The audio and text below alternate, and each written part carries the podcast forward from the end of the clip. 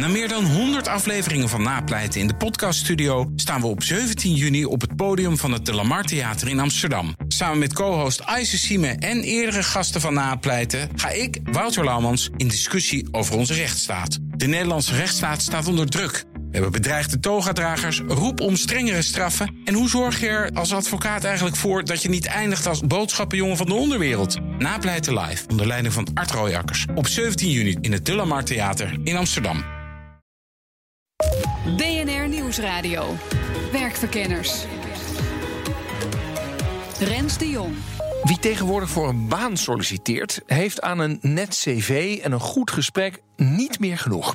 Nee, je moet eerst door een assessment heen komen. En dan heb ik het niet alleen over de CEO of de banktrainee. Nee, iedereen moet tegenwoordig aan het assessment. Van de online testen die uitwijzen welke kleur je hebt, tot complete rollenspellen in crisissituaties. Mijn naam is Rens de Jong, dit is BNR Werkverkenners. Met deze aflevering de zin en de onzin van assessments.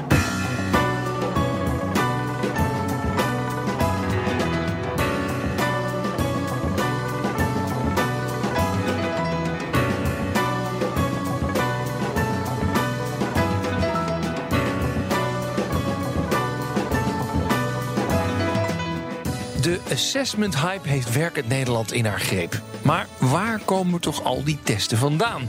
Met Jan Quint van assessmentbureau LTP duik ik in de geschiedenis. En die begint, opmerkelijk genoeg, al in het begin van de vorige eeuw. In het begin deed men dus assessments op het gebied van karakterologisch onderzoek. Dus bedrijven die testen zelf wel de kennis en de vaardigheden.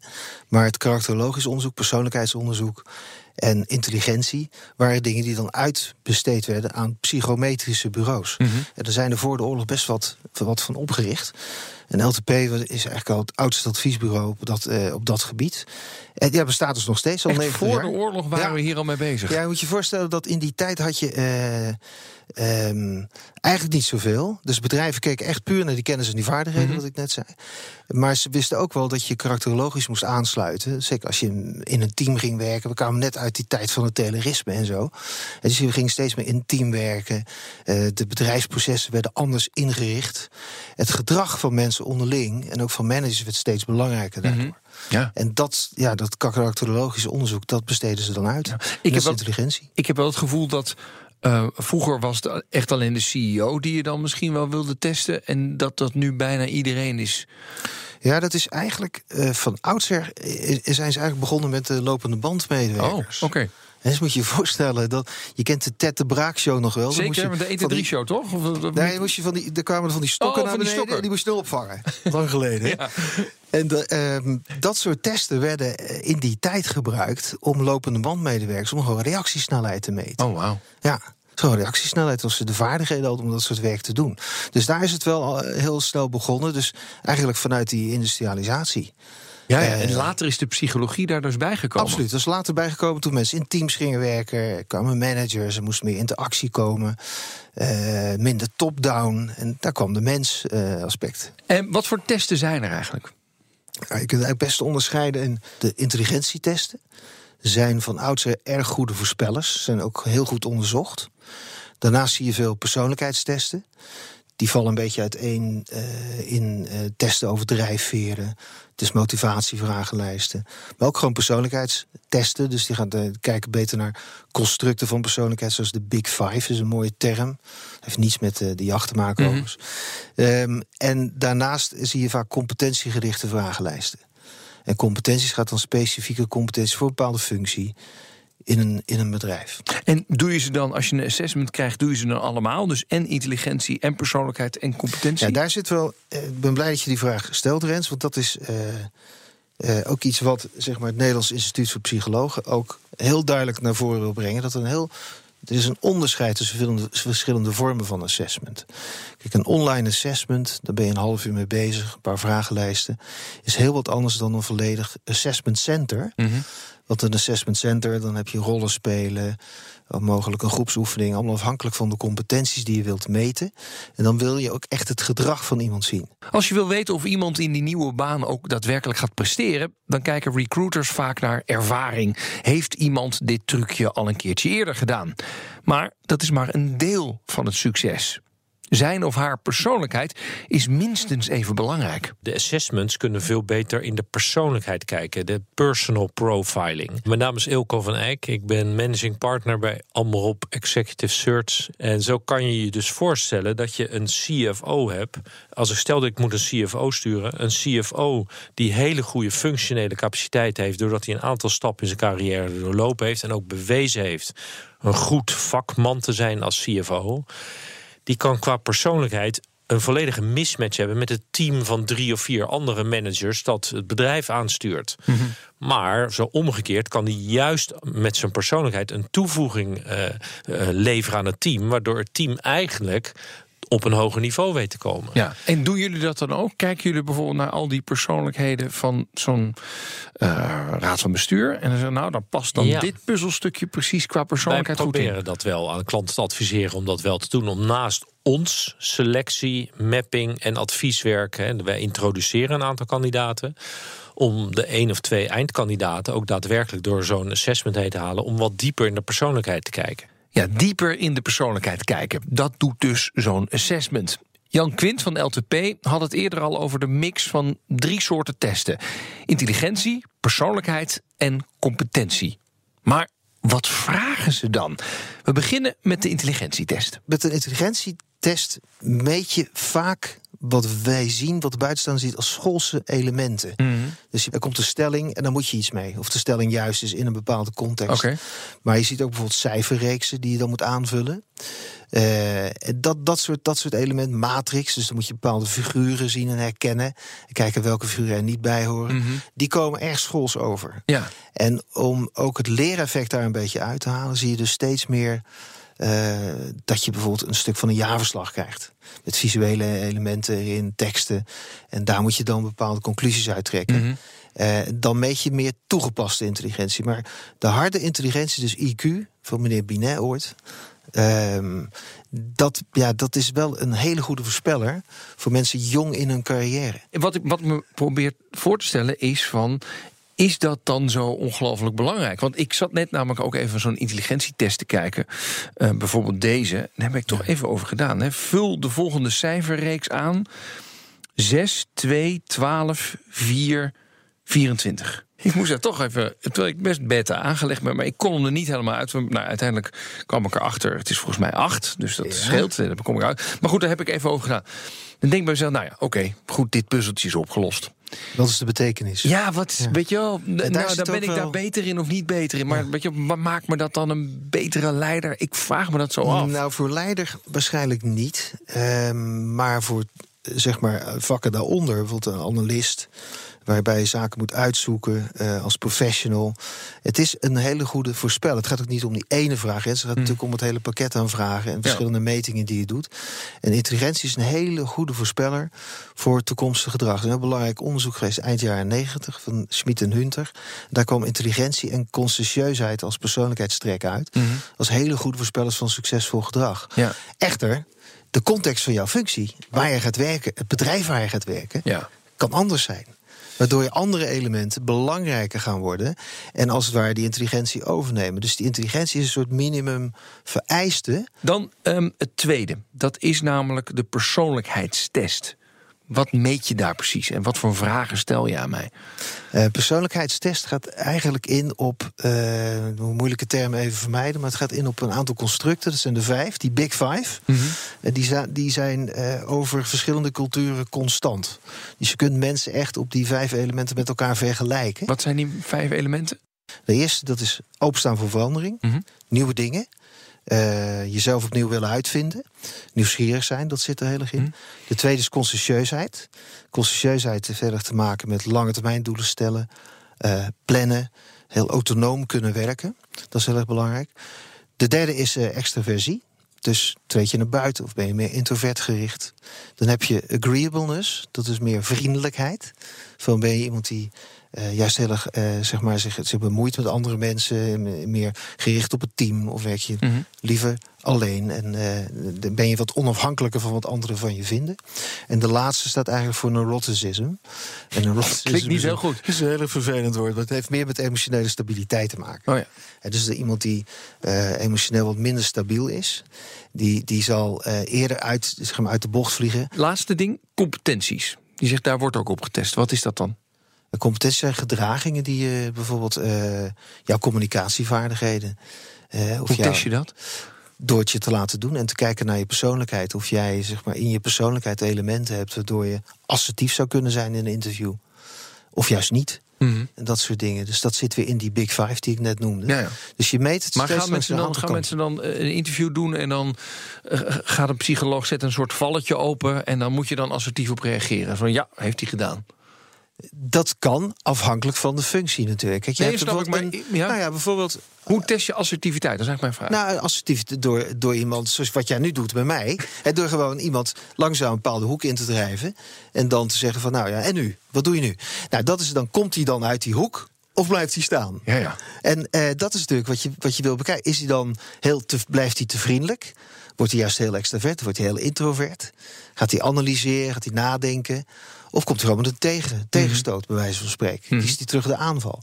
En zo zijn er heel veel natuurlijk methoden die mensen van zichzelf hebben, of aangeleerd hebben ook vaak, om daarmee om te gaan. Het is net met assertiviteitstraining bijvoorbeeld, Rens. Je kan iemand leren hoe die op een bepaalde situatie moet reageren, een bepaald gedrag te laten zien, maar je kan hem niet leren hoe die assertief moet worden.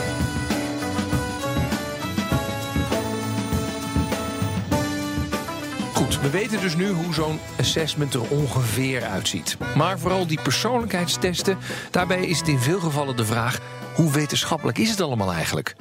De Big Five, die Jan noemde, die heeft dan een stevig fundament. Maar het is niet de enige test die je vindt. Sterker nog, het wemelt er van de testen. Aan de VU in Amsterdam wordt daar onderzoek naar gedaan. En de resultaten zijn niet echt bemoedigend. Er zijn gedegen instrumenten eh, waar een hele rijke geschiedenis, onderzoeksgeschiedenis naar is.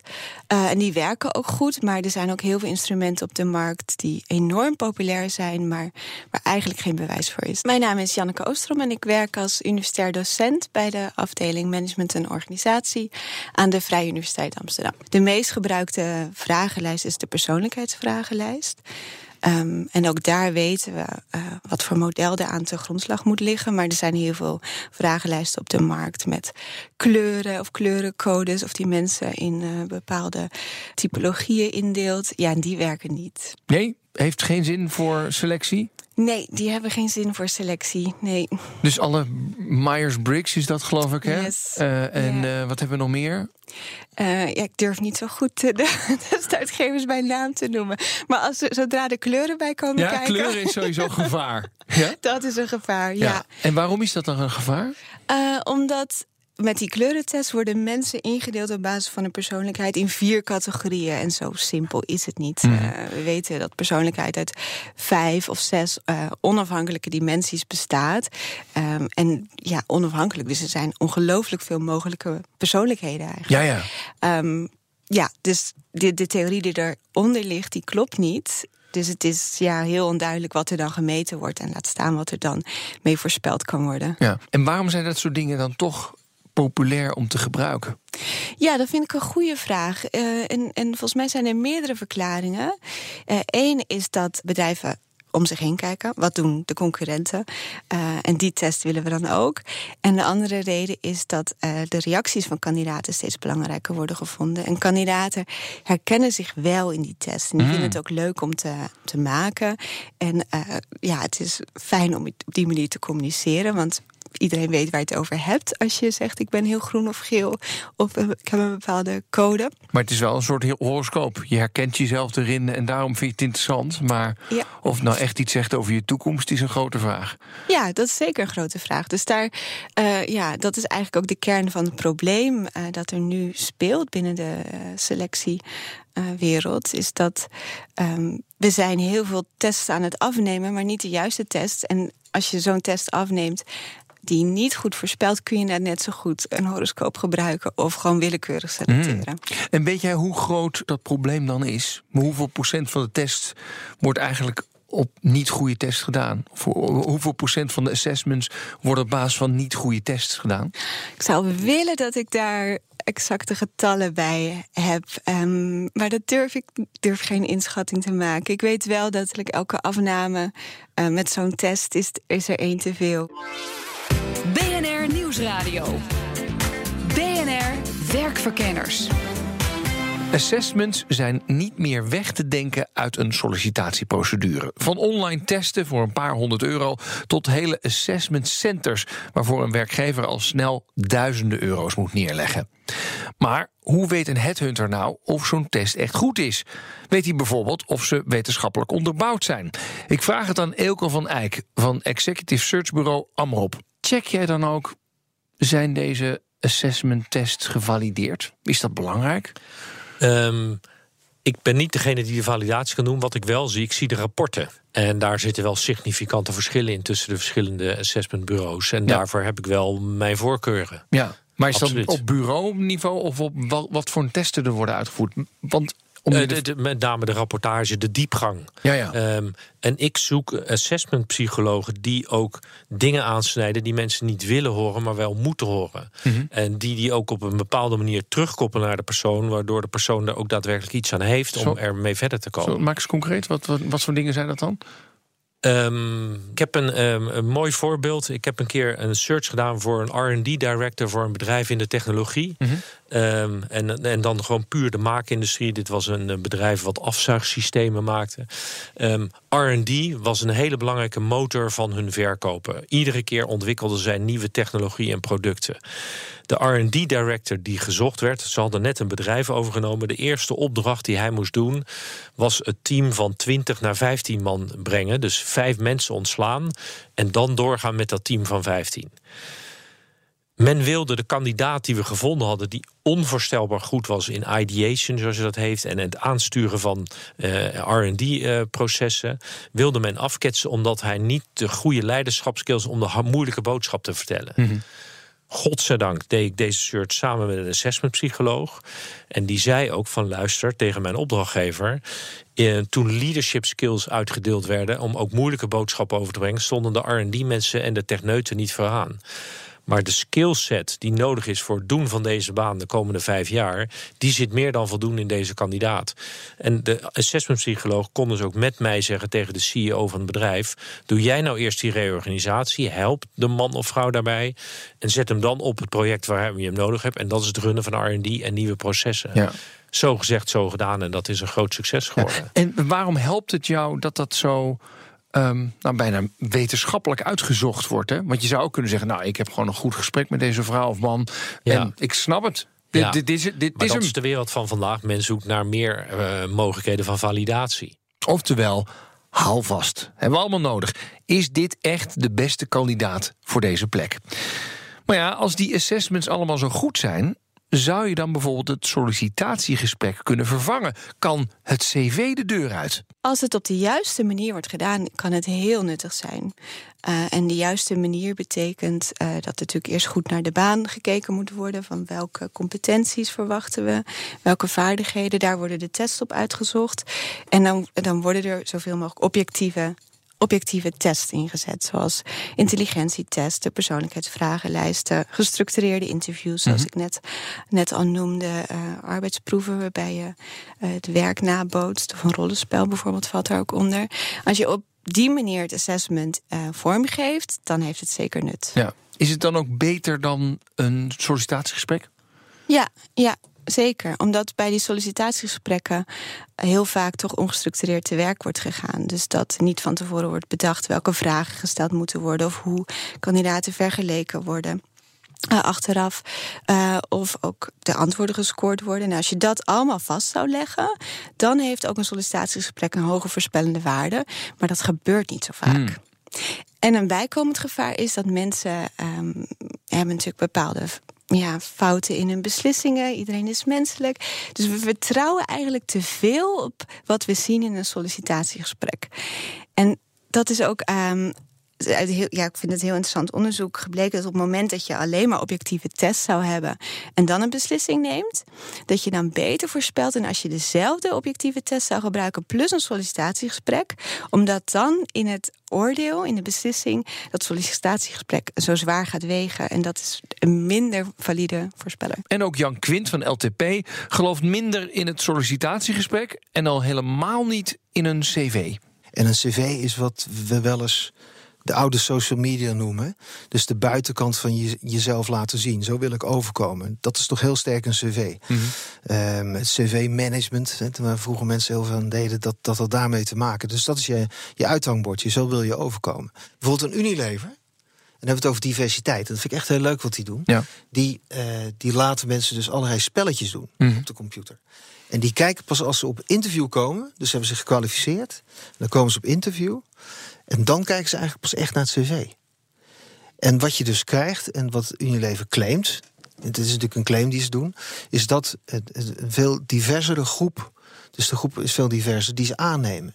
Dus er veel meer eh, eigenlijk een... eh, eh, ja, een representatie is van ook hun klanten. En daar is natuurlijk voor hen ook wel een belang in. Want nu vissen ze allemaal uit dezelfde vijver. Ze, vi- ze gaan allemaal naar dezelfde universiteiten. Maar op zich vind ik het heel mooi dat je dus door, eh, door mensen juist alleen te testen en niet naar het cv te kijken. Het is een, niet iedereen kan naar de beste universiteit of lid worden van dezelfde studentenvereniging of dit en dat. Ehm, dat je toch mensen ook van een hele andere achtergrond die kansen geeft. Ja, omdat ze slim genoeg zijn. Ja, ja, dat je, Of omdat ze passen bij de waarde van zo'n bedrijf. dus dat je het omdraait. Niet kijken naar het cv, eerst de test doen en daarna pas kijken naar het cv. Eh, maar dan moet die test wel gevalideerd zijn. Goed zo.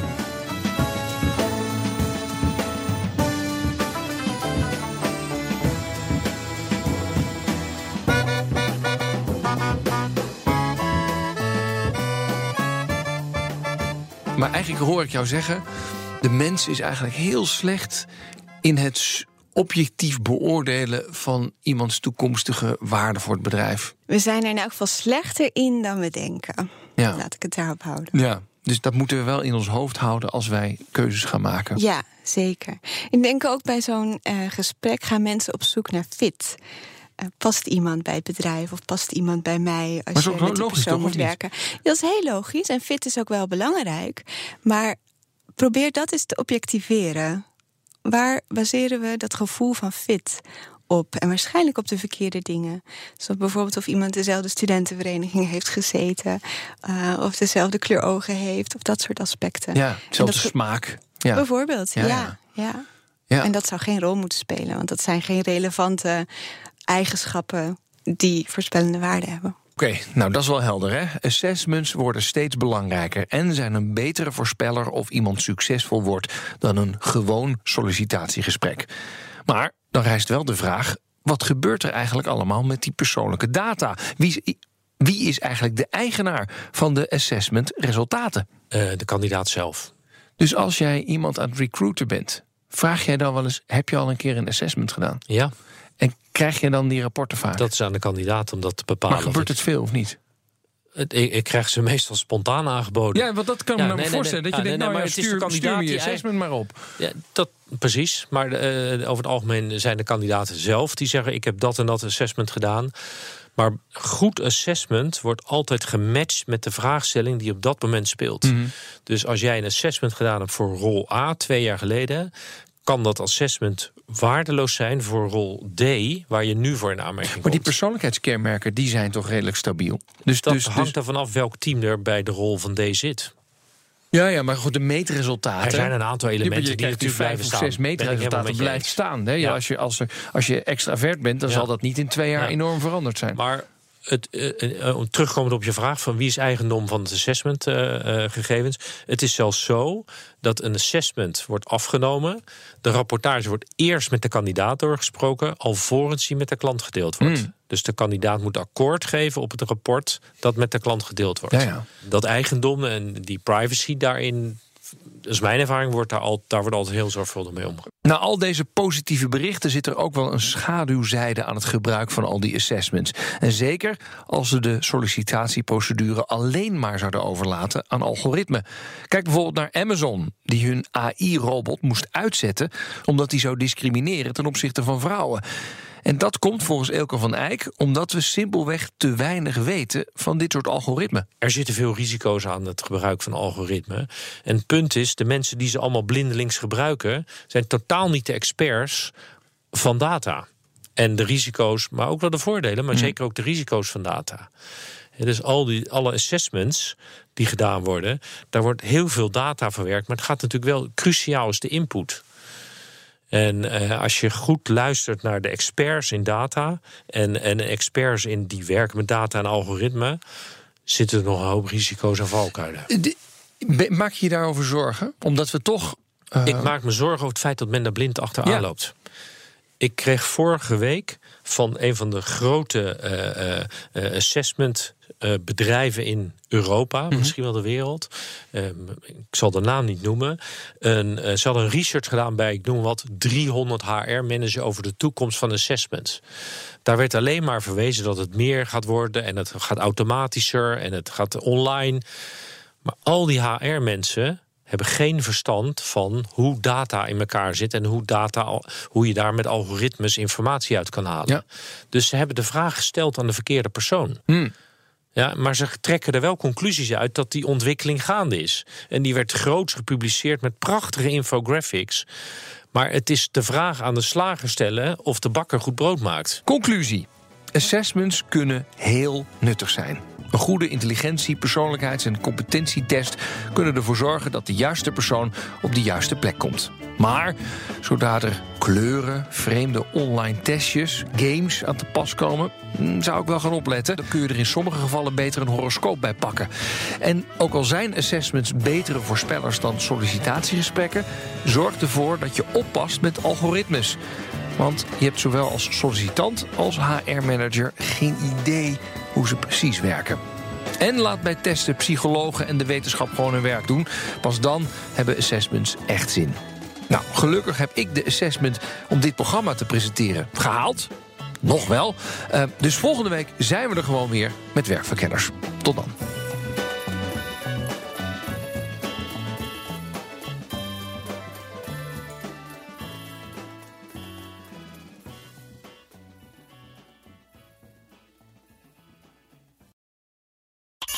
Bas van Werven vind je in de BNR-app. Ja, je kunt live naar mij en Iwan luisteren tijdens de ochtendspits. Je krijgt een melding van Breaking News. En niet alleen onze podcast Ochtendnieuws, maar alle BNR-podcasts vind je in de app. Download nu de gratis BNR-app en blijf scherp.